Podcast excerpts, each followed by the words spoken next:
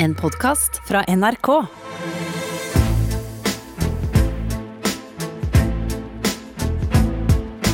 Trump mot verden med Gjermund Eriksen og Sean Henrik Matheson. You say potato, I say patata. You say tomato, I say Creole tomato. Oh, let's call the whole thing off. Tomato, tomato. Ja, det har vært debatt, og det har vært litt hyggelig, og Ja. det har vært litt mørkt. Men det, det, var, jo, la oss si, det var ikke det fyrverkeriet som var forrige gang. Eh, det er sikkert. Ja, vi må jo snakke litt om eh, hvordan eh, uka har vært før debatten, Gjermund. Ja, Der syns jeg det ligger mye mer drama, og det tror jeg vi skal sette, gi ordet til Silje, som har satt sammen noen av ordene som har blitt brukt, til en sang vi alle kan reise oss opp og begynne å bevege oss til. For the last couple of months, Joe Biden is a corrupt politician. He's a corrupt politician. And the Biden family is a criminal enterprise. Frankly, it makes crooked Hillary Clinton look like an amateur. I'll tell you something, though, and it's fair. Lock them up. You shouldn't lock them up.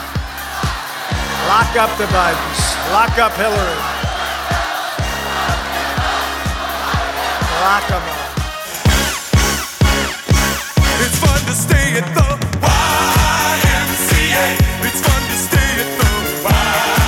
For hvis vi ikke tenker på at dette er virkeligheten, så har vi en karakter som har sagt så mye utafor skjema siste uka av hva som er anstendig, strengt tatt hva som nesten er lovlig, om hvem som skal svives i fengsel og over der, eh, og til musikken av YMCA, som er the gay anthem, altså det morsomste ved å være homofil. Ja. Og han leder ikke akkurat det partiet, partiet som syns det er gøy. Og Donald Trump danser til låta. Og han danser som dette er noen av de viktigste setningene jeg har lært meg i mitt liv om hvordan vi hvite menn danser. Eh, We do the white man overbite. White man overbite! Ja. Og da kan dere se for dere at, vi, at vi, når vi hvite menn over en viss alder blir uh, anturert og syns vi er kule, da biter vi oss i overlappet, og så løfter vi henda, så skyver vi den ene til venstre, og så drar vi den inn, så skyver vi høyrearmen ut. Og sånn holder vi på. Og det er veldig slik eh, Donald Trump som karakter, som underholdningskarakter, minner meg om Prince of Thieves-skurken, altså. Robin of Loxley møter sheriffen av Nottingham i en Robin Hood-film.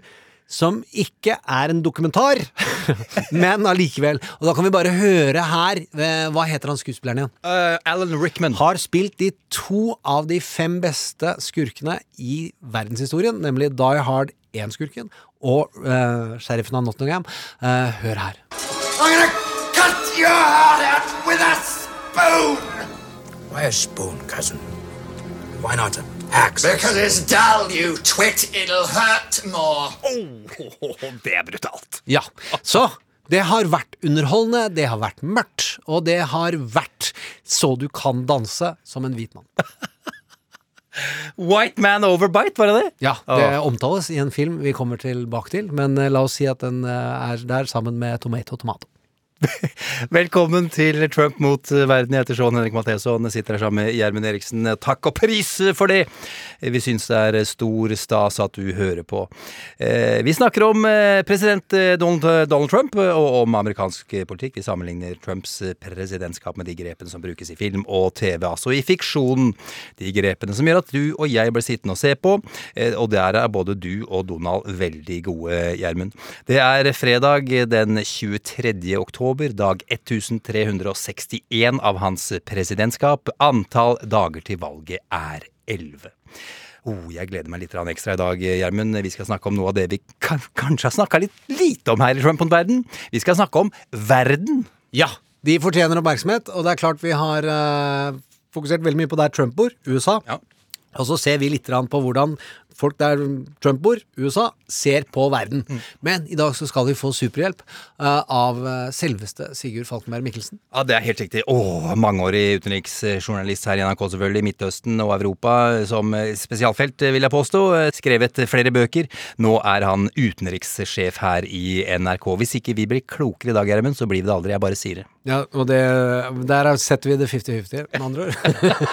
Men Ja. hvis vi da skal tenke på hva er det dette handler om dypest sett, eh, og dra det litt til presidentvalgkampen allikevel, eh, så syns jeg der vi er nå med verden, og bør ta kjærlighet litt på alvor, eh, så er en av de flotteste forfatterne som har skrevet og lagd film om kjærlighet, Nora Ephron. Ja! Og siden det handler om relasjoner, internasjonale relasjoner, så vil jeg ta fram When Harry Met Sally. så koselig! Ja, og vi kommer til den hvert eneste sekund, men husk to ting. Ja.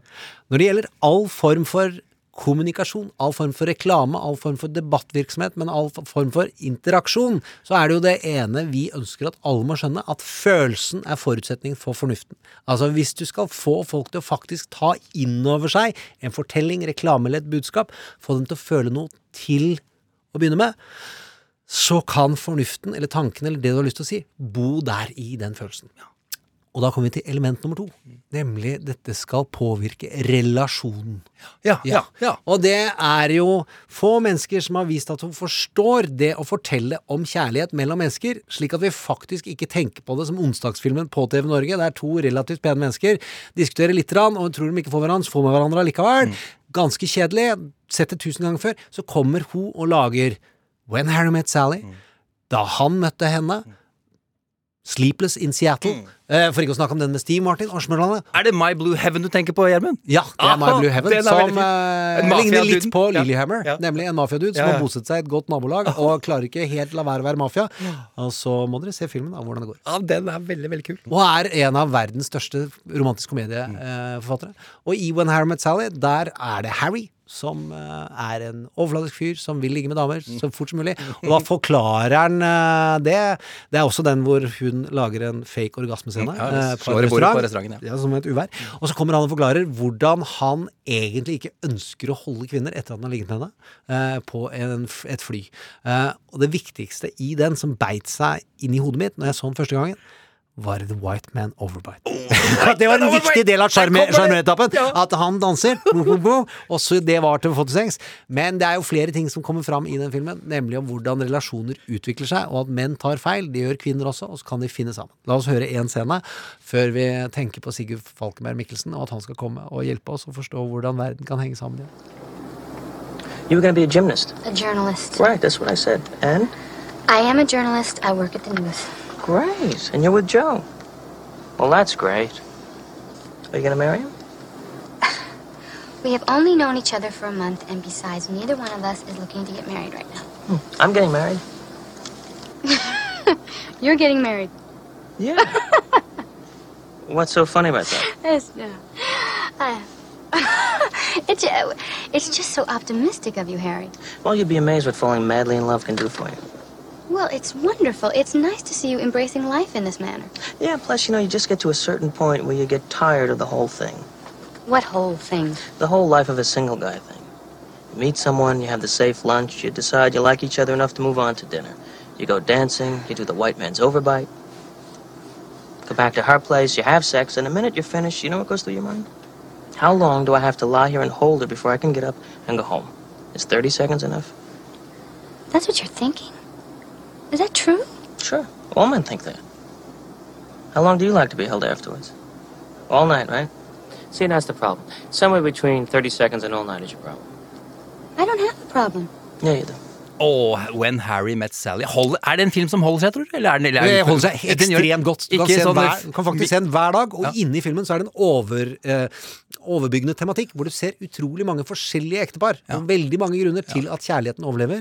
Det er veldig mange former for relasjon, det er veldig for, mange former for kommunikasjon. Den gir håp, varme, til alle. Åh, så deilig.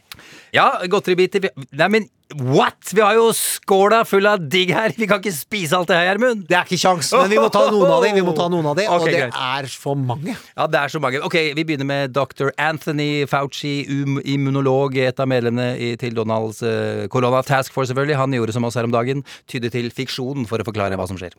It's like in The Godfather, nothing personal, strictly business. As far as I'm concerned, you know, I just want to do my job and take care of the people of this country. That's all I want to do. Ja, han tar replikker fra gudfaren for å forklare sitt forhold til Donald.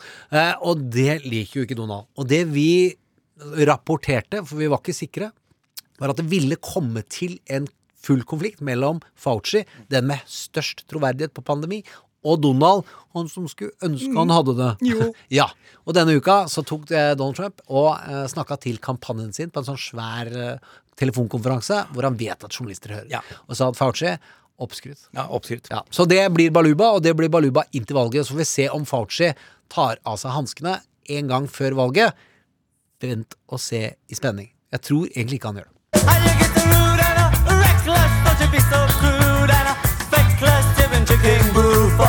Oh Rudy Giuliani! Han er også med oss denne uka. Uff, har blitt lurt trill rundt av selveste Sasha Baron Cohen, dvs. Si Borat-dokumentaristen fra Kasakhstan.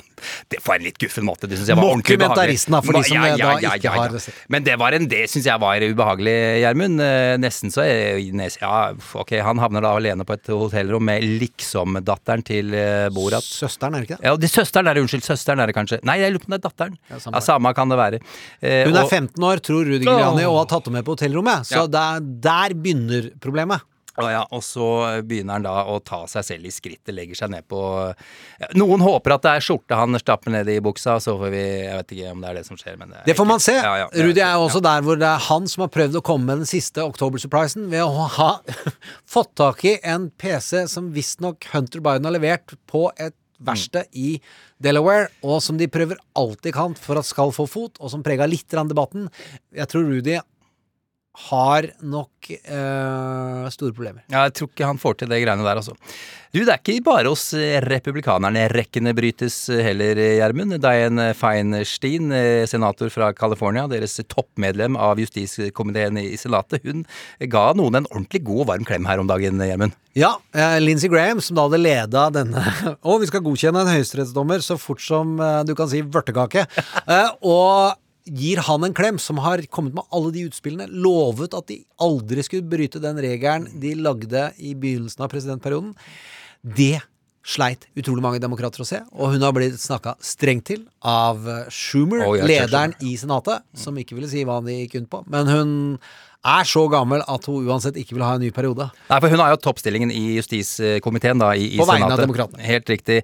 Eh, om hun får fortsette, det er slitsomt. Eh, Schumer ville ikke si, ville ikke svare direkte på om hun skulle få lov til å fortsette, faktisk, etter den klemmen og måten hun eh, hyllet det republikanerne på. La oss si det sånn, etter dette valget, hvis Biden vinner, så kommer det til å bli stabla om noen brikker. Og om hun står øverst der, det tviler jeg sterkt. Eh, vi skal snakke om eh, hva som skjedde i natt. Vi skal til debatten. Trump mot verden med Gjermund Eriksen og Sean Henrik Matheson. Ja, i natt eh, ble, eh, som du vet, den andre og siste debatten mellom Donald Trump og Joe Biden avholdt. Det skjedde i Nashville, Tennessee. Kristin eh, Welker var moderator fra NBC. Hun er deres korrespondent eh, i Det hvite hus. Eh, Seks segmenter på 15 minutter hver. Covid-19, eh, familie, rase, klima, nasjonal sikkerhet, eh, ledelse. Det var temaene. Sist var det jo skikkelig ålreit Chris Christie og Rudy Giuliani som preppa Donald Trump. Det eneste han gjorde da, var å avbryte og oppføre seg som, som bølla i, skolegården. Det vanlige, egentlig, med andre ord. Jeg veit ikke hvem som har preppa han denne gangen her. Har du hørt noe om det, Gjermund? Jeg regner med at Chris Christie har snakka med han og fått tatt en alvorsprat, og han har vært ganske konsistent. At nå må du være normal. Eller Ja. vært så nærme normalstreken. Det har han sagt i alle programmer etter at Chris Christie ble frisk, for han var jo på dette. Han var på det møtet, han også. Ja, han var på Rose Garden, ja, ja. Rose Garden, Super Spreader. Chris Christie er tidligere senator og var en av favorittene til å vinne mot Donald Trump. Eh, Riktig, og så var han jo tidligere guvernør også i, i New Jersey. Glem det med Jeg mente guvernør. Ja, du mente guvernør, ok, greit. Um, det har jo vært knytta stor spenning til disse debattene. Kan Joe Biden klare å komme seg gjennom uten å virke som en gammel og dement eh, mann? Det tror jeg han har klart, eh, virker det som. Hvilke forventninger hadde du til denne runden, Gjermund? Uh, vill spenning. Dette var den siste store av det man kaller set pieces. Hvis man bygger en film eller en serie eller en dyr episode, så lager man noe i midten hvor det skjer noe så stort at det påvirker alt annet. Og dette er den siste set piecen i hvordan en uh, presidentvalgkamp foregår. Altså der all oppmerksomheten peker på en forhåndsutropt hendelse. Ja.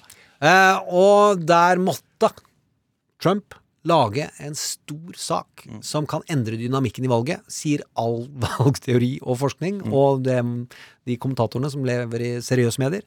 Eh, og forventningene til Donald Trump har jo vært utrolig lave. Og til Joe Biden så var det egentlig ikke så høye der heller. Nei, nei. Han har ikke så mye å vinne. Hvis han kunne klare å være anstendig og gjøre det han gjorde forrige gang, så vil det være mer enn godt nok for han. Og unngå disse store gaffsene, altså feilsnakking, og virke surrete, som han jo åpenbart har klart. Ja, altså, surrete tidligere. Han har gjort det hele livet, så han forsnakka seg. Altså, han- har bedt folk i rullestol der «Du, Get up, don't get up. Oh, sorry. Uh, og han har bedt folk uh, omtalt folk som er døde, levende, og omvendt. Så, men alderdomssurr, altså den myten som Donald Trump har prøvd å spre eh, med milliarder av dollar, at den er dement, det tror jeg fortsatt er da avlyst etter denne debatten. Ja, det må det være nå. Jeg tror det. Det er jo sært at mikrofonen er skrudd av hos den som skal være stille, fordi dette er folk som er over fire år. Eh, Så mens de da har tominuttersframstillinger, framstillinger, så kan ikke den andre rope og avbryte, sånn som Donald Trump gjorde forrige gang. Og da er det den drøyeste presidentdebatten verden noensinne har sett. Ja, i- Skjedde forrige gang. I den- ja, ikke sant. Denne var normal. Ja, det var normal, og visstnok så ble det ikke noe særlig bruk for den der mute-knappen heller, fordi, eh, fordi eh, Trump oppførte seg rimelig greit.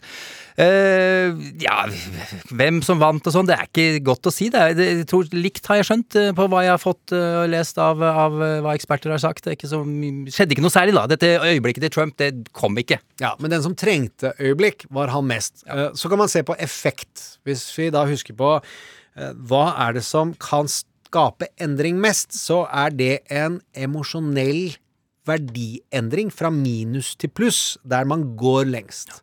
Og der Donald Trump var nå, så har han gått fra minus til størst pluss. Så hos en del mennesker som tviler, eh, så tror, eh, så tror jeg dette fungerte. Ja, det kan godt tenkes at han styrker seg litt. Ja, var Men ikke veldig mye i forhold til Biden. Og det er det som er poenget i forhold til effekten, så har Trump en mye mindre base. Så om dette når på utsiden av basen, høyst tvilsomt. Det er ikke så mange tvilere igjen. Nei. Og det er tre typer effekter av en sånn presidentdebatt. Det ene er debatten. Vel, nå oppførte den seg ganske normalt.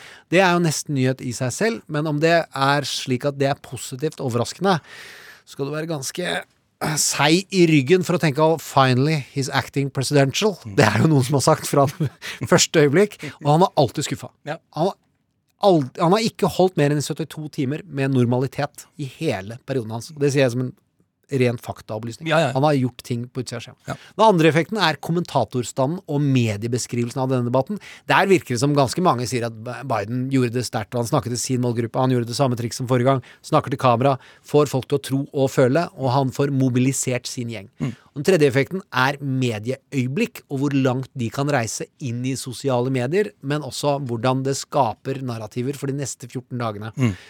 Og der tror jeg Biden har vært flinkere til å forsterke de narrativene som styrker han, mens Trump klarte ikke å holde seg unna pandemi, som han taper på. Han klarte ikke å øh, snakke om helsetjenester på en troverdig måte, som kommer til å være demokratenes hovedkort. Vi garanterer helsetjenester, de andre gjør det ikke. Nei. Og så har vi dette med miljø. Uh, det, får, det kan vi ikke snakke om nå, men det, det er noe moro der òg. Ja, ja. Jeg vil heller I'll bare si én ting. I forhold til denne ukas debatt og lyd, så vil jeg bare at vi må spille det som egentlig var eh, den store spilleren. Hør her. We know that he continues to do business with China because he's got a secret Chinese bank account. How is that possible? How is that possible? A secret Chinese bank account. Co- Listen, can you imagine if I had had a secret Chinese bank account? When I was running for re-election? You think you think my you think Fox News might have been a little concerned about that? They would have called me Beijing Barry. It is not a great idea to have a president who owes a bunch of money to people overseas. That's, that's not a good idea. I mean, of the taxes Donald Trump pays, he may be sending more to foreign governments than he pays in the United States. His first year in the White House, he only paid $750 in federal income tax. Listen, my first job was at a Baskin Robbins when I was 15 years old. I think I might have paid more taxes that year working at a dispensing ice cream. How, how is that possible? Ja, Obama er jo back in business, Gjermund! Han holdt et fyrverkeri av en tale Ja. på onsdag hvor han, altså Michelle Obama When you, when they go low, we go high. Nei, Obama kom ut med hagle i begge henda og skøyt som et uvær. Og ja, Kina-materiale. At Donald Trump har hemmelig konto i Kina. Berduff, berduff. Han hadde en glansrekke, og gå og hør på gjennomgangen hans. Hvor lite avstand det er mellom en vanlig amerikaner og ordene Don, eh, Barack Obama bruker når han gjør dette. Dette er en ekstremt avansert jurist som velger folkets språk. Svinger rundt seg som om han er i filmen Desperado. Altså Hvis noen husker Antonio Banderas. Ja, ja. Han har en pistol i alle hjørner og kan komme seg over. Det var det jeg syns liksom var fyrverkeri denne uka. Men for all del, nå må vi huske på at det er eh, verden det står om. Det er artig å tenke på at eh, Trump har betalt mer skatt til Kina enn han har til USA de siste åra. That hurts. altså, det gjør vondt, folkens, for de som ikke er i engelsk verden. Det gjør vondt. Oh, watch! Who's coming? Ja, nå kommer den! Nå kommer den, vent da! For hvem ville vel du reist ut i verden med en Ah, nettopp! For svært få vet jo at når Sigurd Falkenberg Mikkelsen drar på tur, så reiser han med brun skinnjakke, en bredbremmet brun Fedora-hatt, solide støvler og pisk på hofta!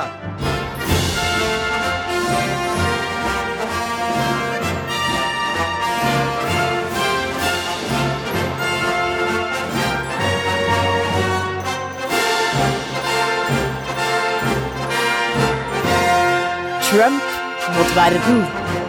Velkommen, Sigurd Falkenberg Mikkelsen. Hvor er hatten din i dag? Nei, den la jeg igjen hjemme. Damn it! Og som nevnt i innledningen, du har farta rundt omkring i verden for å gjøre oss som er glad i nyheter eh, fra fjerne strøk, klokere. Nå er du utenrikssjef her i NRK, og ettersom du har den erfaringen og kunnskapen du har, så har vi spurt deg om hva vi bør snakke om i dag, og hvilke områder du synes det er mest interessant å, dykke litt eh, ned i. Eh, Gjermund, du og jeg vi dekker jo dette valget og Donald Trump på én måte, som noen kanskje opplever som, litt provoserende. Eh, Sigurd, du må innta en litt annen rolle enn oss. Altså, vi er jo ja. vi er nyhetsjournalister. Altså, vi forholder oss til virkeligheten, prøver å beskrive den så godt som mulig, og, og ha en jobb eh, om, å, om å forstå, eh, i dette tilfellet, da, amerikanske samfunn og amerikansk politikk eh, fra, fra begge sider. Jeg synes, eh, vi får jo en del lyttere Det er noen lyttere som legger ut og diskuterer oss på Facebook og syns at vi skal ta den objektive NRK-rollen på våre skuldre også. Så prøver vi å si at vi er et underholdningstilbud. Altså vi er, eh, Og en kommentarrolle som er litt friere, for å si det forsiktig, enn det eh, nyhetsjournalister men, eh, har i din avdeling. Men nøytralitet, det syns jo jeg er rart hvis det brukes til å ikke ta verdivalg. Og la oss eksempel ta eksempelet med at Donald Trump sier jo vi er rasist fordi han har kommet med utrolig mange rasistiske uttalelser og gjort en del rasistiske handlinger gjennom livet. Og ikke minst gjennom de siste fire årene, som eh, fem årene, hvis du tar med presidentvalgkampen hans, med We skal ba We shall ban all Muslims, angrepet på Barack Obama, og den rekken der sånn. Hvorfor er ikke dere eksplisitte på slikt? Jeg tenker at Vi står oss veldig godt på å ikke sette merkelapper på folk øh, og på politikere, men heller beskrive hva de gjør, formidle hva, hva, hva de sier, og så får, er det opp til andre å, å, å vurdere det. Det er vanskelig å komme med sånne definitive øh, uttalelser om, om folk. Ja, men, men, så, ja, ok, så vi må se selv ut fra det du sier, at ja, er han rasist eller er han ikke rasist? Det er opp- til meg å bestemme, rett og slett. Jeg syns i hvert fall ikke det er nyhetsjournalistenes jobb å gjøre det. Ja, Men dere sier jo hvilke Hvordan eh, Om det er en god Om Biden har mm, hva heter det? Vind i seilene. Uh, man karakteriserer jo veldig mye, og man karakteriserer også deres evner sånn politiske, hvordan var talen deres, hvordan det Men akkurat der hvor det er mest ømtålig, og som kanskje er noe av det jeg syns er mest skremmende ved den kandidaten, der syns dere adjektivbruken Ja, der ligger vi unna. Er det egentlig opportunt fordi dere er redde for å ikke ta valg? For å få bli beskyldt for at dere velger side, istedenfor at dere tar et verdivalg på vegne av hva som jeg mener er nøytralt sett er ikke greit å si at muslimer skal reise ut av landet. Eller å si at kongressrepresentanter med en annen hudfarge skal reise til landet de kommer fra, når de kommer fra USA. Nei, men Det er ikke vår jobb å, stemple, tenker jeg. Eh, Det er egent- egentlig så, så greit som det, men så er det vår jobb å beskrive eh, politikken og beskrive konsekvensene av den politikken som, eh, som føres. Vi, vi, får, vi får være de kjipe crazy-assene, Gjermund. Ja, om det er crazy ass eller ikke. Men jeg syns det, det var- veldig greit å få, eh, få avklart rollen, og Ja, ja, det er sånn det er. Og så må vi vel ut og reise. Ja, det er helt, eh, helt sikkert. Vi syns det er et sted det, er, det er mer naturlig å starte enn noe annet. Egentlig en av de viktigste karakterene i Trumps verden. I'm Back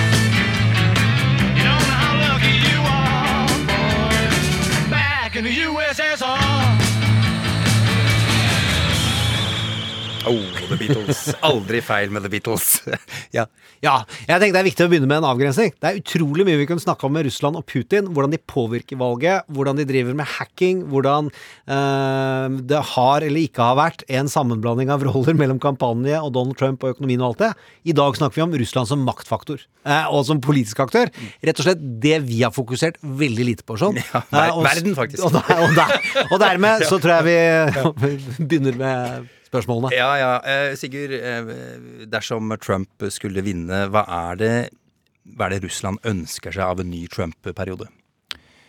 Jeg, jeg tenker jo, Hvis jeg skal sette meg i, eh, i jeg håper å si, ikke Putins sko, men i hvert fall hvis jeg skulle sett verden fra Kreml Dette blir gøy! Så, ja, ja, nei, men jeg, ikke sant? Også, og, og hvis du ser verden da som et, eh, som et maktspill, som et, eh, gjerne som et nullsumspill, der uh, noens svekkede makt styr, uh, styrker din egen, uh, og i tillegg har følt at amerikanerne har etter murens fall beveget seg veldig, veldig tett inn på egne grenser og eget territorium, så er et svekket eh, USA som er mer opptatt av seg selv, eh, en god ting. Eh, Så manglende stabilitet, store debatter, som jo igjen gjør at det er mindre energi til å handle utover, er en, er en god ting i et sånt maktspill. Og det kan jo være en av tingene som ligger bak et, et ønske om å få Trump, uten at jeg vet om det, det er reelt eller ikke. Ja, og, og der er de sjelefrender. De to ser helt unikt verden som nullsumspill.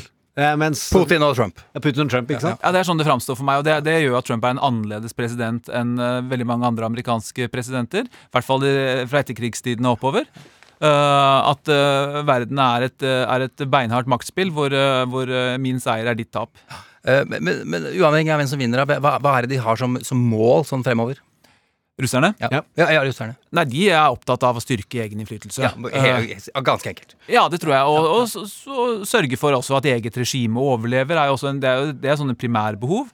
Men, men så er det tror jeg, utrolig viktig å se at uh, dette handler om, delvis om Trump, men det er også litt amerikansk isolusjoni... Isolo... Ah, Skal, vi, skal vi klippe det bort, Ja, vi- eller skal vi menneskeliggjøre? det? Nei, det er, vet du hva? Det er, Vi menneskeliggjør Sigurd det er, det er, det er for, for meg forholdsvis Jeg har sittet oppe hele Ja, natta, det så det er- altså. blir ikke første feilsnakk dag. Skal jeg prøve en gang til? Ja. Isolasjonisme. Yes! Der satt den! Der satt den. Få, få meg til å si forskjellen på logaritme og algoritmer. Det går uh, tog, kan kjøre herfra til Vladivostok. Isolis... Jeg klarer ikke å si det her. Ja, men det jeg skulle si var at uh, ikke sant, altså, Vi så det jo tendenser under Barack Obama også. Mm. Eksempel i ta, ta Midtøsten. Kommer vi sikkert til å snakke litt mer om det etterpå. Men russerne gikk inn i Syria i stor grad fordi amerikanerne ikke gjorde det. Det var, og det var Barack Obama. Eh, og eh, det var de som valgte å trekke seg tilbake, ikke å stå, sitte litt på sidelinja under begynnelsen av revolusjonen, truk, trakk opp noen røde linjer som de ikke respekterte etterpå, framsto som, eh, som vinglete. Og det igjen gjorde at Putin så sitt snitt til å virkelig gå inn og bli en maktfaktor i i Midtøsten. Og det handler jo ikke om Trump. Så, så det, det er noen sånn langsiktige tendenser her også. Men hva er det ved, hva er det ved Putins ekspansjonisme? Ja da!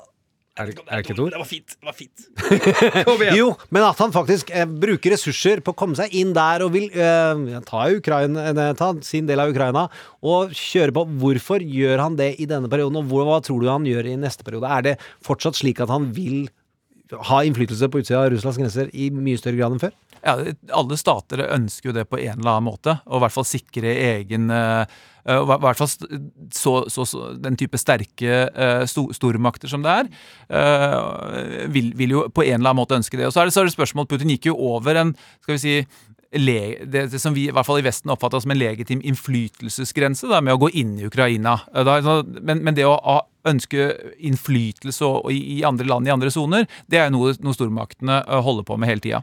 Men eh, nå er vi over på da, altså, Russlands eh, maktbruk, og, og ved et svekka USA, så ville den kanskje bli sterkere. Hva er det du frykter mest? Hvor, hvor langt kan de ta det, Russland, med et svekket USA i mente? Nei, altså, det, det er jo De som er eh, holdt på å si, mest sårbare, er, er jo det gamle, uh, gamle Øst-Europa. Eh, og det er de- nok de som er også mest uh, urolig uh, for, for, for dette. Baltikum, Nato-land, med russiske minoriteter f.eks. Hvordan, hvordan vil det fungere? Nå er de i og for seg det militære i Nato. Det, det samarbeidet der ruller jo og går på tross av uh, alt Vi snakker om det litt seinere. Vi banker i bordet. Nato. Det er, det er greit, men, men, men det, det, henger, det henger veldig nøye sammen med, med, med, med Russlands eh, innflytelse. Hva, hvilke land er det du frykter at han vil utøve sin innflytelse mest med et svekket USA? Nei, altså, det, det ligger jo uh, Bortsett fra altså, Du sa Baltikum. Hva med Ungarn? Hva med Polen? Altså, hvordan, eh, hvilke, Hvor er det du tenker at det går tror- raskest? Ja, nei, jeg, jeg tenker at alt, alt, det, alt der det oppstår muligheter, tror jeg de vil, de vil forsøke. Eh, og det kan være også i, i politiske systemet i, eh, i Vest-Europa. eh, eh, altså, der, der det finnes eh, holdt på å si, spenninger å jobbe i, der, der, der tror jeg nok man vil se at de vil søke, søke innflytelse. Tror du Putin er glad for måten Trump har utøvd utenrikspolitikk på? Ja, Det kommer jo litt an på hvem du spør. Uh, Han svarte jo selv ja. I Finland, I Finland så Da, sa han jo ja, det, eh, og har sagt det siden nå, tror jeg. Men, men, men det er ikke noe tvil om at, at det, er, det er jo et uh, det er jo et underlig forhold mellom Trump og Putin. Det må man kunne si. Jeg, jeg kan i hvert fall ikke huske at eh, amerikanske presidenter og russiske ledere har hatt den type uh, forståelser, uh, samtaler Mm. uh, Snakker de sammen mer enn det vi får vite, tror du, Sigurd? Det, det, det tror jeg nok ikke. Det er vanskelig å være amerikansk president Ja. og, og Slå gjøre ting i hemmelighet. liksom, hemmelighet. og- ja, ja, så det Eh, ikke, men, ja. men det skal jo ha vært en del sånn samtaler bare dem imellom, uten at det blir tatt notater også, visstnok. Så Han har eh, sendt bort tolken fra USA. Det har vel jeg Eller sier i hvert fall de i disse seriøse mediene. Sier at dette har aldri skjedd før. At en amerikansk president sender bort sin egen tolk og jobber bare med den russiske tolken. Det har skjedd én gang. Og f- så har han gitt forbud fra, for sin egen tolk i en, en annen samtale. Tatt beslag på papirene og sagt dette sier du ikke noe videre om. Og det er presidenten som styrer sikkerhetsklarering i USA. Så hvis han gir deg beskjed om at dette sier du ikke noe videre om, så skal du teknisk sett ikke få vite hva den tolken fikk høre. Og ikke har jeg hørt at tolken har sagt det heller. Tror du eh, eh, Putin er litt stressa over at, eh, at Biden kan vinne? Har noe å si sånn sett, tror du? Biden prøver i hvert fall å bruke det som et valgkampargument. Eh, nei, men altså, russerne er, er, de er jo politikere som, som, som, an- eh, som forholder seg til den virkeligheten, vil jeg tro. Eh, så kjempestressa tviler jeg på at de er. Eh, bare, bare litt kjapt, eh, eh, Gjermund, hadde du noe mer du hadde lyst til å spørre om? Ja, bare for å ta en litt sånn eh, dramakanter rundt Putin, så Ja. er det jo klart at han er etterretningstjent. Han kommer fra GRU, han kan eh, til, tidligere KGB, da. Eh, og han kan avhørsteknikker. Han kan psykologiske spill. Han jobber veldig hardt med å manipulere andre til å tenke og føle, agere feil, så han kan tjene på det. For eksempel, dette syns jeg da er stort House of Cards-aktig øyeblikk. Han sender inn en svær bikkje i møte med Angela Merkel. Hun er redd for hunder. Oh, på Så- ekte en ordentlig bikkje? Ja. Og hvis jeg var Biden, så ville jeg hatt en special emissary som jeg hadde sendt inn i de nye Russland-samtalene. Og den bikkja, og da mener jeg det som et kompliment, hadde hett Hillary Clinton. Tror du det skjer? Nei, det tror jeg ikke skjer. Er det noen som fortjener å komme og ha med seg den bagen av agg inn i en forhandlingssamtale, så tenker jeg det så jeg- Hillary der syns jeg hadde vært litt moro. Jeg vet ikke om det er viktig, men GRU, er det, var det den militære etterretningsorganisasjonen? Ja, det er det. Ja, ikke- Ja, men han var jo også i KGB. Ja, han var i KGB, Eh, stille, eh, riktig. Oberst der. Var, Ja, altså, jo, det er jeg enig i, men ikke GRU Var GRU på 80-tallet, eller var KGB og Nei, GRU én ting på jeg ærlig 80-tallet? innrømme at det er ikke mitt spesialfelt, men Ja. eh, sånn jeg har forstått det, så er GRU den militære delen av, av etterretningen. Eh, Mens eh, Putin var i Øst-Europa. Men det, og det er interessant, ikke sant? for det, vi har snakket, det handler mye om, om hvordan hans verdensbilde ble formet. Det ble formet av murens fall, og han satt der helt maktesløs i, på kontoret sitt i Øst-Europa og så imperiet, eh, det sovjetrussiske imperiet rakne, og så var det ingen i Moskva å ringe. Sant? Han, visste, han satt der og, og kan, folkens, dette er hva-. Man sier at krenkelse er følelsenes atomvåpen. Dette er identitetstap. Altså, det store Sovjetunionen blir Russland, og så ser han det bare tape gjennom 90-tallet. Og han reiser vel til St. Petersburg og eh, slår seg opp der som en som hjelper en ordfører, og vips salabim, så har han vært eh, så er, det, så er det ofte sånn i politikken da, at det, det, er, det er ofte de vi ikke har lagt helt merke til, som, som stiger helt til topps. Trump er jo en, eh, så, i så måte en anomali. Ja, og der sier vi ikke Vedum sitt navn. Jeg bare, bare lyst til å Nei, overhodet ikke. La oss, la oss la det ligge, Gjermund. Takk skal du ha. Eh, Kjapt på tampen her, eh, Sigurd. eh, Hvor opptatt er mennesker i, i Russland og den tidligere østblokken Hvor opptatt er de av dette valget, tror du? Tror, akkurat nå så tror jeg de har også ganske mye nok med seg selv pga. koronaen. Ja, ja, ja. Uh, men, uh, men det er klart at uh, en del av f.eks. den polske høyresiden har jo knyttet seg veldig opp mot Trump. eh, og Trump var jo i Polen. så, sånn der, der er det definitivt forbindelse mellom mye av den nyhøyrebevegelsen i, i deler av Øst-Europa og, og, og over til USA. Wow, det betyr at vi eh, må fly videre. Det var et eh, signal om det. vi, vi drar videre. Trump mot verden. Med Gjermund Eriksen og Sean Henrik Matheson. Da forlater vi Russland og vender nesa mot eh, Europa. Sigurd, hvordan ser Trump på denne delen av, av verden? Ja, man, dette er jo øh, kanskje et av de sånn vanskeligste øh, kapitlene. Kanskje der det har vært mest endring. Øh, i Amerika, i hvert fall En av de tingene hvor det er mest endring i amerikansk politikk. I hvert fall på det øverste planet. Hvordan da? Forholdet til Europa. Ja. Det er ikke noen tvil om at det er dårlig. Skikkelig dårlig. Ja, men Hvordan har det skjedd? Nei, altså Det kommer litt an på perspektivet her, men det er klart at Trumps direkte angrep på EU, eh, på Tyskland Hvilke angrep er det du tenker på Nei, da? altså Han mener jo at eh, EU er en institusjon eh, eh, nesten på lignende med Kina som lurer amerikanerne i handelsavtaler. Uh, tyskerne at de, de, har avtale med, med, med russerne. Gass og alt det Gass alt det greiene der. Han støtter, Men- han støtter jo polariserende krefter, altså folk som vil ut av EU. Farage er i Tyskland, så har han støtta uttalt seg positivt eh, om brexit. brexit. Ja, eh, for å si det forsiktig. Eh, så, eh, så, så det er klart at det, det, eh, det, det bygger jo ikke tillit uh, til uh, disse nære kontinentale allierte. Så, eh, er, er, men det er, det er en interessant utvikling her. fordi at Macron prøvde jo. De hadde jo den derre bromansen, ikke sant? Uh, eh, Bromance, som det heter på fransk. Ja, bromance. Nei, og hvor, hvor Trump var Og på, det bedre. var på uh, Jeg bor ikke ustraffa i Paris mange år. Eh, Jeg har bare kjørt i en tunnel under. ja. Nei, men ah, Trump var jo på, på, på Champs-Élysées på, på 14. juli. Syns jo det var en veldig god idé med militærparade. Det har han ikke fått gjennomført, forresten. Eh, eh, og eh, de, satt og spiste middag i Eiffeltårnet, disse to parene. Og, og det, var, det var et helt sånn bevisst ønske da, fra, fra Macron om å engasjere USA og holde de inne. Og at han gjorde det kanskje litt på vegne av Frankrike, for det gjør det jo franske presidenter alltid, men de gjorde det også litt på vegne av Europa. Eh, Men så så vi at det idet du begynte å, å få interessekonflikter, så Mm. var jo ikke det forholdet eh, eh, det, det forholdet noe verdt lenger. Og da så så du at også Frankrike glei lenger og lenger bort. Og, og det siste året så har, har også en del av de viktige vestlige institusjonene som eh, G7, det som var G8, eh, totalt mm. Forvitra. sånn at det, det, det ligger, det ligger et, et, et, voldsomt arbeid i årene som kommer, hvis man har lyst til å gjenopprette tilliten over Atlanteren. Ja, det var vilt, kompo, eh, vilt kompetent av Macron å bruke Trumps våpen, foto-ops. Altså det hvordan visuelt ting ses, er Trump ekstremt opptatt av. Å gi den paraden, sette seg i Eiffeltårnet. Trump føler det er gode bilder. Og neste gang, var det vel, så tar de jo hånda, og så bruker han handshake-trikset på Donald. Ved at han drar han til seg eh, for å jekke han ned. Så det hands off til Macron for Ja. fransk hersketeknikk. Ja, Siden vi snakket om, eh, snakket om eh, Putin i stad også, så, Ja. så, så var jo Macron veldig god i de første årene, hvor han inviterte Putin til Versailles, ga det dette eh, auraen av stormakt, da, Mm. som, som, som franskmennene er skikkelig gode på. Eh, og da snakket Men tok han også ned f.eks. på russisk eh, innblanding i valget, propaganda.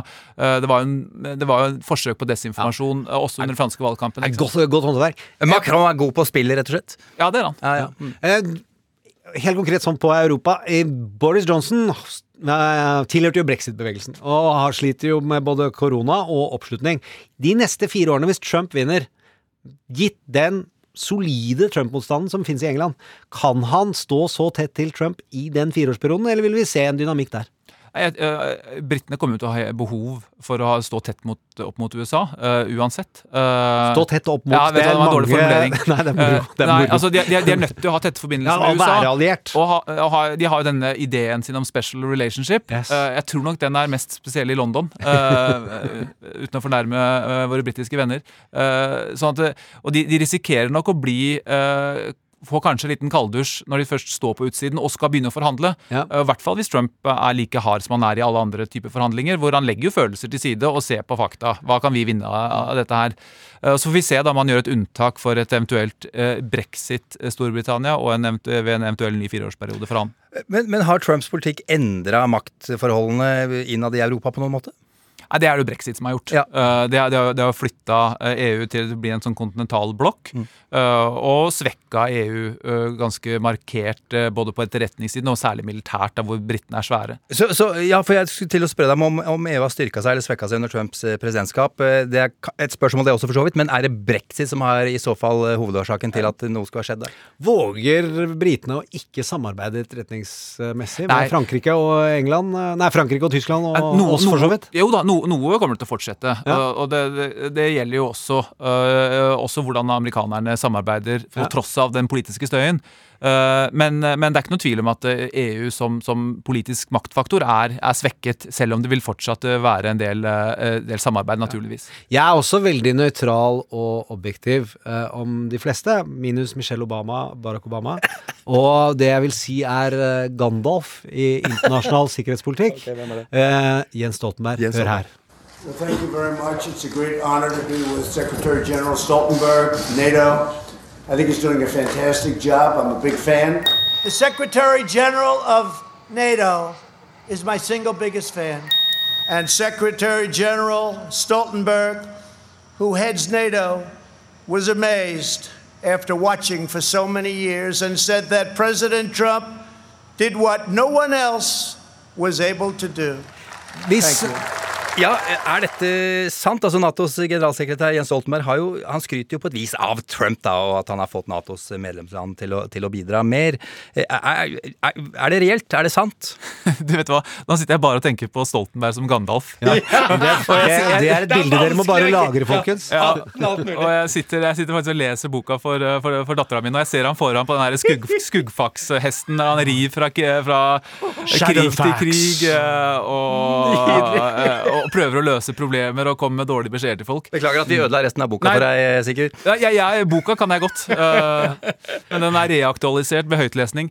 Nei, uh, jo eh, det, er, altså, det er litt sånn Stoltenberg gjør åpenbart en, eh, en, en jobb, og har eh, god jobb også, uh, på mange måter. Uh, og har identifisert eh, sin, store oppgave, det er å holde amerikanerne inne i varmen, og at han er villig til å gjøre nesten hva som helst for å gjøre, klare det. Uh, Det må dere tenke på innenfor rimelighetens rammer, folkens.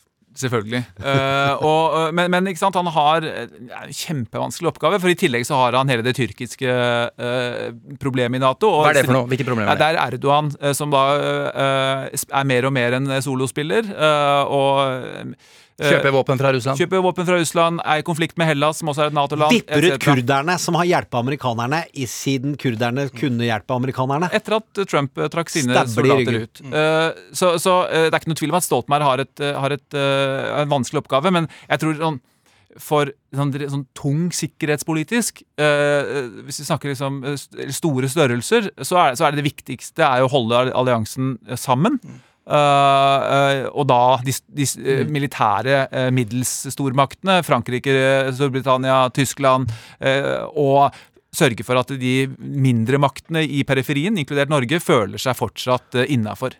Hva er det første Dette er en altfor spissformulert spørsmål. Men hva er det første Biden-administrasjonen eventuelt vil gjøre for å reparere relasjonene i Nato?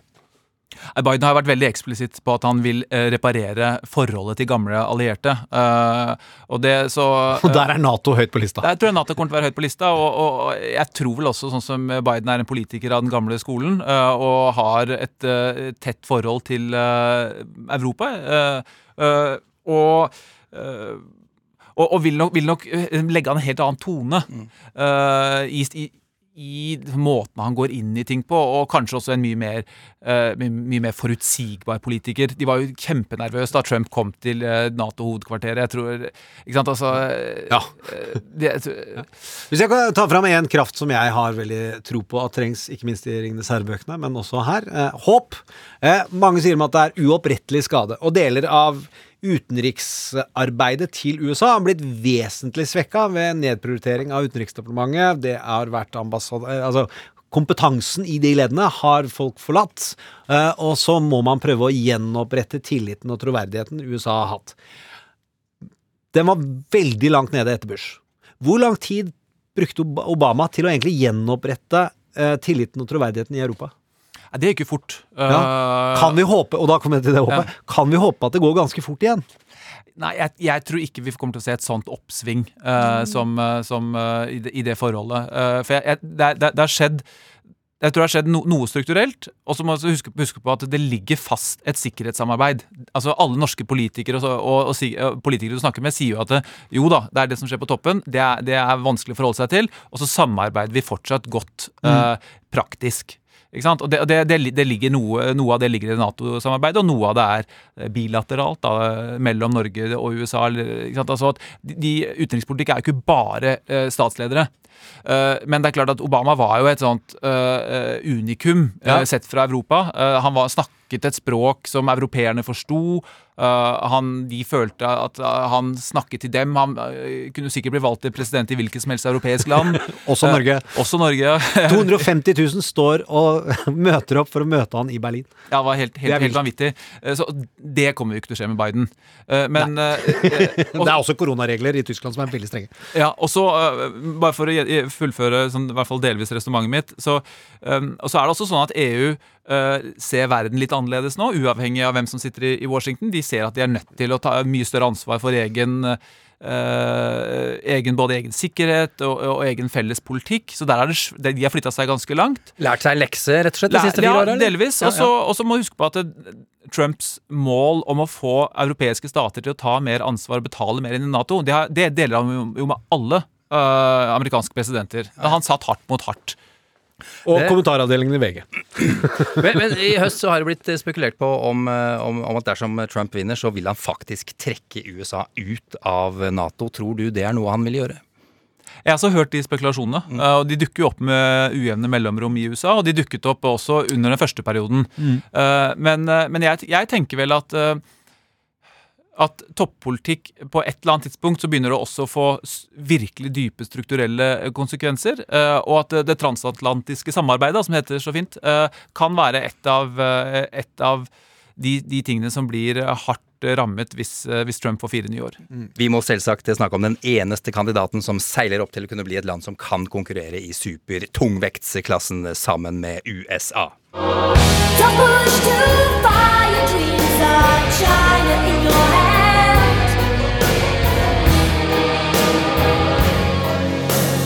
China in your hand. China! China! China! Sigurd, hva med Kina som maktfaktor? Hvor er vi der? Nei, det er kjempesvært. Uh, og det, det er jo det store eh, skiftet som Trump har eksplisitt foretatt, og som kommer til å vare, tror jeg, etter ham uansett eh, om han taper til dette presidentvalget eller vinner. Eh, forholdet USA-Kina kommer til å uh, definere mye av, eh, av verden de neste, neste 10-20 årene.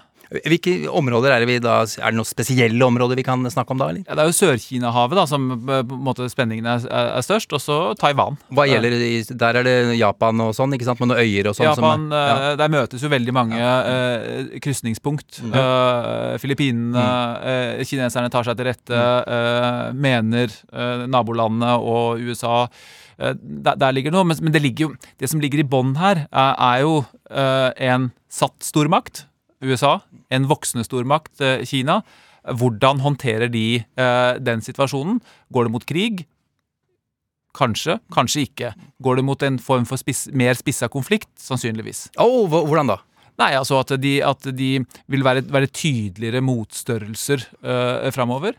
Uh, det, det, tror jeg, det tror jeg er sannsynlig. Um, Sigurd, hvordan vil Biden eventuelt forholde seg til Kina? Hva vil han gjøre annerledes? Trump har jo kjørt på med straffetoll og dårlig, alt det der. Hva, tror du Biden vil gjøre? Eh, Jeg tror at eh, mye av det eh, Som sagt, noe av det konfliktfylte forholdet kommer til å fortsette. Eh, Og så tror jeg han kommer til å trekke fram kanskje mer menneskerettigheter enn handel. At han kommer til å fronte menneskerettighetsspørsmålet mye tydeligere enn det Trump har gjort. Før 2016, altså god tid før 2016, la oss si 2015,5, eh, så var jo Hillary Clinton egentlig for Hun skal beskreve en multilateral handelsavtale som gullstandarden av hva amerikansk innflytelse kan få til, nemlig at du, alle landene rundt Kina samarbeider med å stå imot deres tilnærming til de verdensmarkedene. Det tok Hillary Clinton avstand fra i innspurten, hvis jeg ikke husker feil. Og det har ikke Biden sagt at han vil gjenopprette. Men han trenger vel å reparere handelssamarbeid slik at de kan stå samla mot Kina. Det var et ledende spørsmål. Det er, det, det er en av de få grunnene til at man ikke bør invitere journalister som gjester. Det er at de bruker journalistikk tilbake. Det er bare kødder. Ja, ja, jo, jo, Nei, ja, jeg mente Men- ikke, jeg, mente ikke som et jeg mente ikke som et ledende spørsmål, jeg mente som hva tror du skjer i det, det området? det, er, det, er, det, er, er helt åpenbart at eh, amerikanerne trenger å eh, gjenoppbygge noen allianser der å, hvis de ønsker å, å, stå, å stå sterkere i en, i en sånn konflikt. Eh, Det, det, Men vet du noe om hvordan de har tenkt å gjøre det? Altså, de har forlatt den avtalen. Vel, Fins den avtalen fortsatt mellom de andre landene? Ja, den tror jeg den, eh, den lever. Men det er klart at idet amerikanerne trekker seg ut, så, så, så Mm. faller jo noe av, eh, noe av trykket og betydningen av avtalen bort. Mm. Eh, men, men, men at amerikanerne må jobbe for å, for å dra med seg disse landene også, det, det tror jeg de, de må belage seg på. Vet vi noe om hva Kina foretrekker helt på tampen her, Sigurd? Trump eller Biden? Nei, det, de, er ikke så veldig, de kommuniserer ikke så veldig tydelig på politiske preferanser i andre land. Amerikansk etterretning har sagt at de jobber mer for Biden enn for Trump, slik de leser innflytelsesoperasjonene som de holder på med. Eh, Men eh, det kan jo også bare være villedning. Oh, vi må videre. Eh, og det tar oss til dette.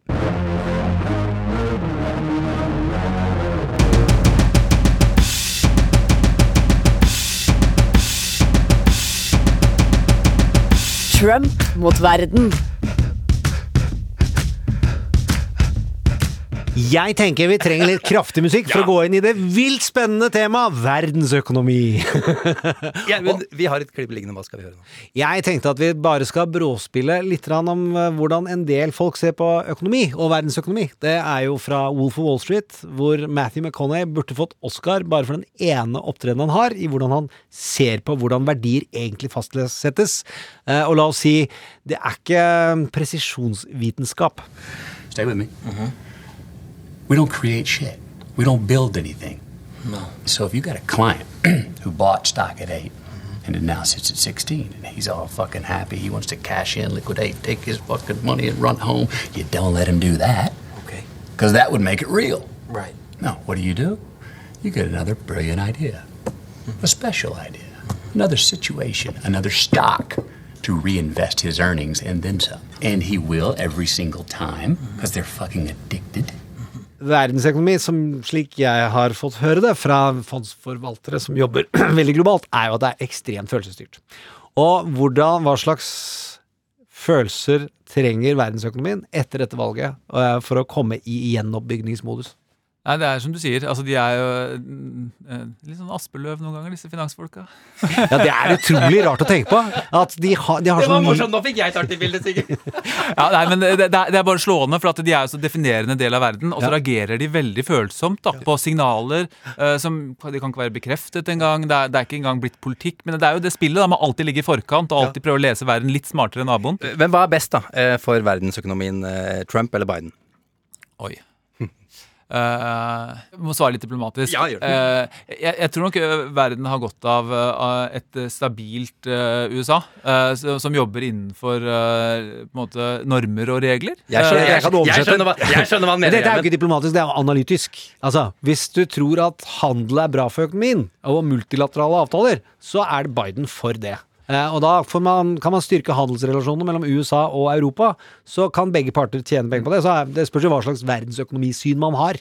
Det gjør det, og man kan jo også føre et, eh, et antikapitalistisk resonnement som å si at det er, eh, verdens vekst eh, er nå så kommet så langt at man ønsker å dempe det. Det er en annen podkast. da er vi langt inne i, i utover denne podkastens ramme, kanskje. uh, nei, jeg, jeg, jeg tror nok at, at altså det handler vel om, kanskje veldig mye om hva slags type vekst Mm. uh, man skal ha. Uh, Hva mener du med det? Nei, jeg, jeg tenker for eksempel, altså der, der tror jeg man ser i hvert fall to veldig tydelige forskjeller med, med Biden og, og, og, Trump, og det er på klima. Ja. Uh, og, og Biden har gjort det helt tydelig at han skal inn i Parisavtalen igjen, eh, og at han ønsker da en vekst i den grønne økonomien, og sa jo til og med i går at han ønsker å fase ut oljeindustrien. På fem, innen 2025? Det er ganske Det fikk jeg høre fra godeste Hva heter han relativt store? Chris Christie. Fokuserte på det som narrativet etter debatten. Han vil fase ut oljeindustrien innen 2025. Var han så spesifikk? Ikke så, det fikk ikke jeg med meg, men eh, det var Men Chris. Christie er en sleip surrogat for Donald Trump. Og da sier jeg det som eh, Det er jobben hans. Men det er ikke noe tvil om at dette er noe eh, republikanerne kommer til å, å, å bore mye i framover. At det, det er helt sikker på kommer til å bli et, et hett tema innover eh, i den amerikanske valgkampen. Men, men, men der, der, i den i den sonen der, når vi snakker økonomi, da, så, så, så er jo det også en, en viktig, eh, viktig bit av hvordan, hvordan verdensøkonomien er, er skrudd sammen. Og så blir det spennende å se hvordan det går med disse handelsavtalene med Kina. Eh, Det er jo også stor politikk. Ja, og Så tror jeg Biden slang inn den for å eh, få motstand på miljøsaken, fordi han trenger å engasjere de unge, og de har ikke drevet med poststemmer så mye. Der er det mest å hente. Få kjeft for du skal bare slåss for miljø. Det trenger Biden de siste ti dagene. Jeg tror det var smart utspill. Ja, det hadde ikke jeg tenkt på. Men uh, da er han i så fall, da er han så fall veldig kalkulert i debatten sin. Vi skal over til eh, ja, det vi alle frykter. Good.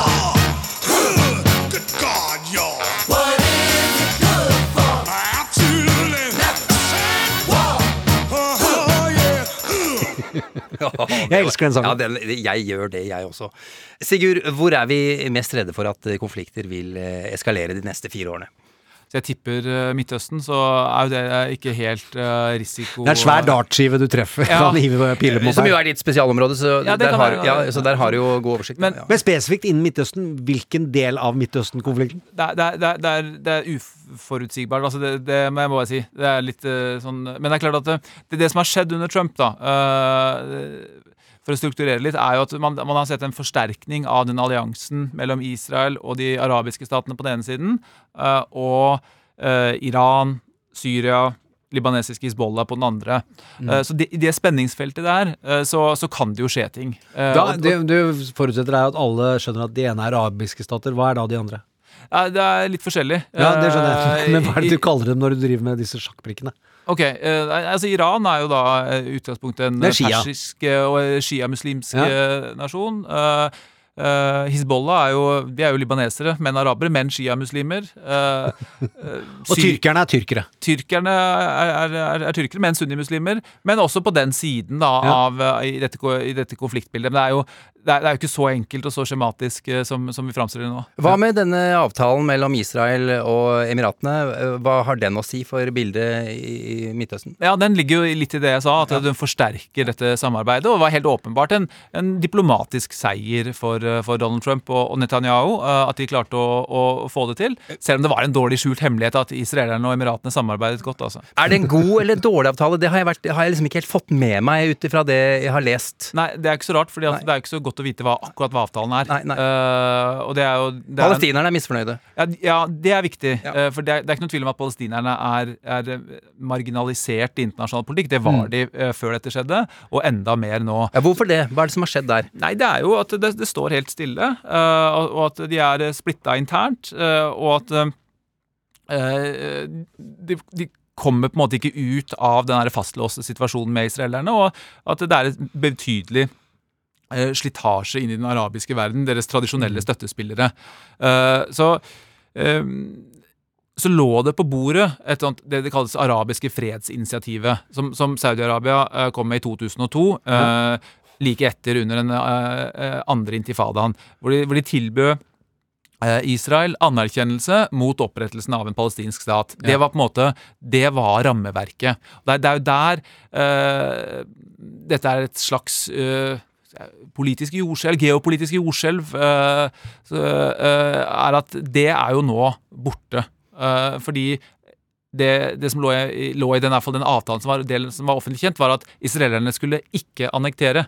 Mm. Eh, og det er noe helt annet enn å opprette en, en tostatsløsning. Så det viser på en måte veldig tydelig hvordan palestinerne uh, er svekket. Ja, det var godt å vite, for jeg har lurt litt på det der. Eh, Tusen takk, Sigurd. Andre konfliktområder, altså hvis vi ser bort fra Midtøsten, hvor er du mest redd for uh, at Bruce Springsteen, også sin versjon av War og At Is It Good For, kan bli relevant? Den store trusselen er jo Nord-Korea, hvis man skal eh, virkelig sove dårlig om natta. Ja. Uh, Ja, bør vi sove dårlig om natta, Sigurd? Det sa Barack Obama, i hvert fall. Nei, nei, vent, ja, men, men du drar litt på det? Nei, jeg, jeg, jeg, drar litt på det fordi at det, jeg føler at noen ganger media drar det uh, liksom, Dramatiserer uh, konfliktene li, kanskje noen ganger litt mye. Uh, og så er det jo fortsatt sånn at det er en reell trussel. Eh, så den, den er jo ikke borte. Hva, Eh, hva er den konkrete trusselen, vil du si? Nei, her er, her er det jo et eh, Altså, regimet i Nord-Korea um, skal overleve. De utvikler uh, mer og mer eh, eh, våpen. Ja, atomvåpen. Ja, ja, for all del. Men hvem er det de angriper? Nei, er er, det, så, da, det vil jo i første omgang være Sør-Korea, men de ser at de har raketter som kan nå Japan. Ja. Og så Iran. Mm. Altså, atomavtalen med iranerne, hvor, hvor går dette her nå? Mm. Hold, hvor ligger de i, i lende for å faktisk eh, utvikle et eh, atomteknologi? Uh, de er jo fortsatt inne i en avtale med europeerne, men alt, alt er, vi er så utrolig mange gråsoner. Og det er egentlig dit jeg vil. at jeg føler at verden er veld, har veldig mange sånne typer gråsoner, som ikke trenger å bli en sånn nødvendigvis en stor konflikt, men som skaper mye uro. Ja. Vi er eh, et eller annet sted mellom Morias miner og Gondors porter. Altså, konfliktene har ikke startet ennå, men du ser at styrker beveger seg over hele, over hele kartet. Ja, men da, der beveger vi oss, og det er der virkeligheten skiller seg fra fiksjonen. Der beveger vi oss jo uunngåelig mot en Det konfrontasjon. kunne vært, boka kunne vært skrevet om at Gondor får endelig kontakt med de syd, eh, sydlige styrkene og sier hvorfor skal dere gå, i allianse med Sauron? Han har aldri gjort det for noen. At, at de styrkene kunne step down. Eh, det. Hør på disse to gutta. Men- men- men, men, men eh, jeg tenker at det er, det er liksom det narrativet vi, vi lever i. da At det, kommer en konfrontasjon.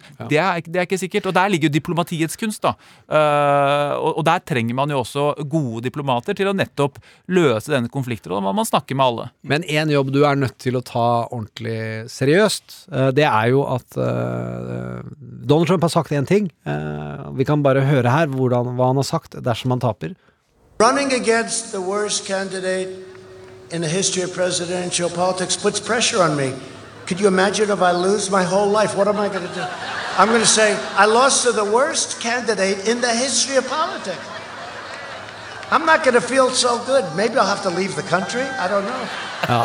Med pisken på hofta, hatten på huet, hvor tar du med deg Donald Trump? Altså, Hvor vil du anbefale at han bosetter seg hvis han ikke skal bo i Florida?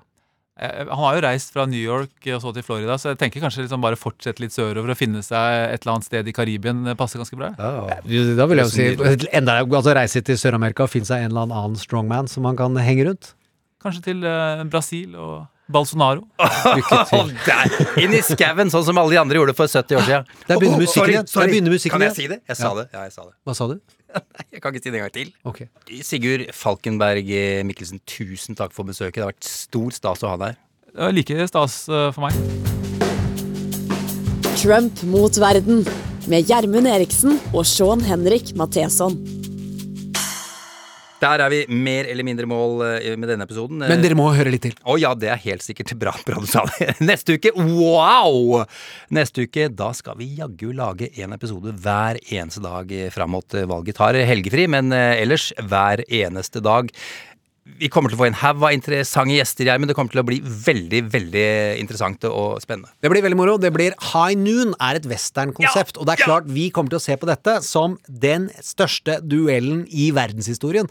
Og det tror jeg at er interessant. Og så vil vi snakke om hva som har skjedd de siste 24 timene. Ha en gjest som gjør det relevant. Eh, og så går vi videre der. Ja, det er helt eh, rått.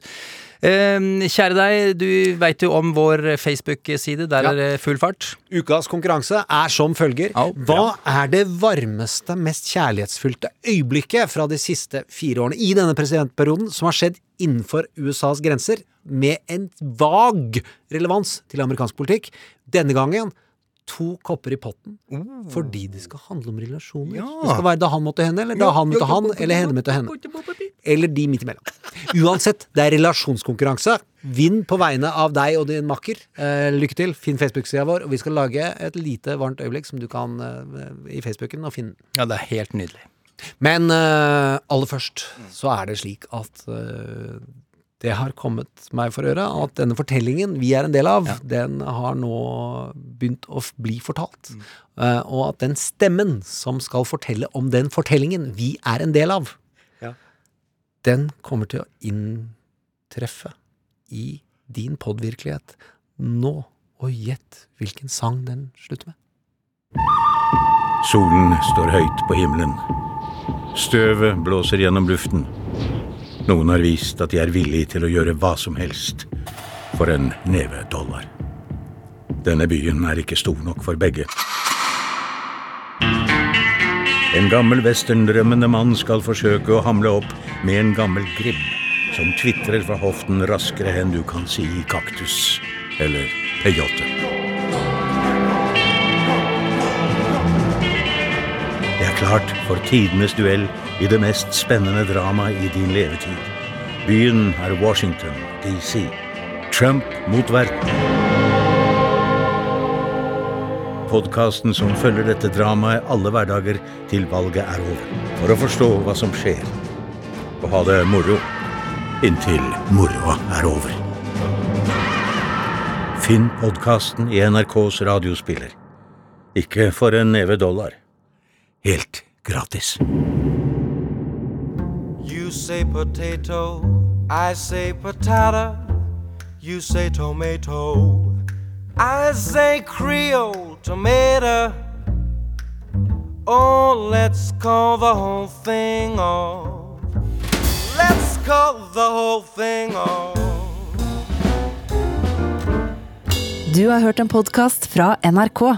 Hør flere podkaster og din NRK-kanal i appen NRK Radio. En podkast fra NRK. Hva med en podkast som plukker ut de viktigste nyhetene for deg? Både fra Norge og verden.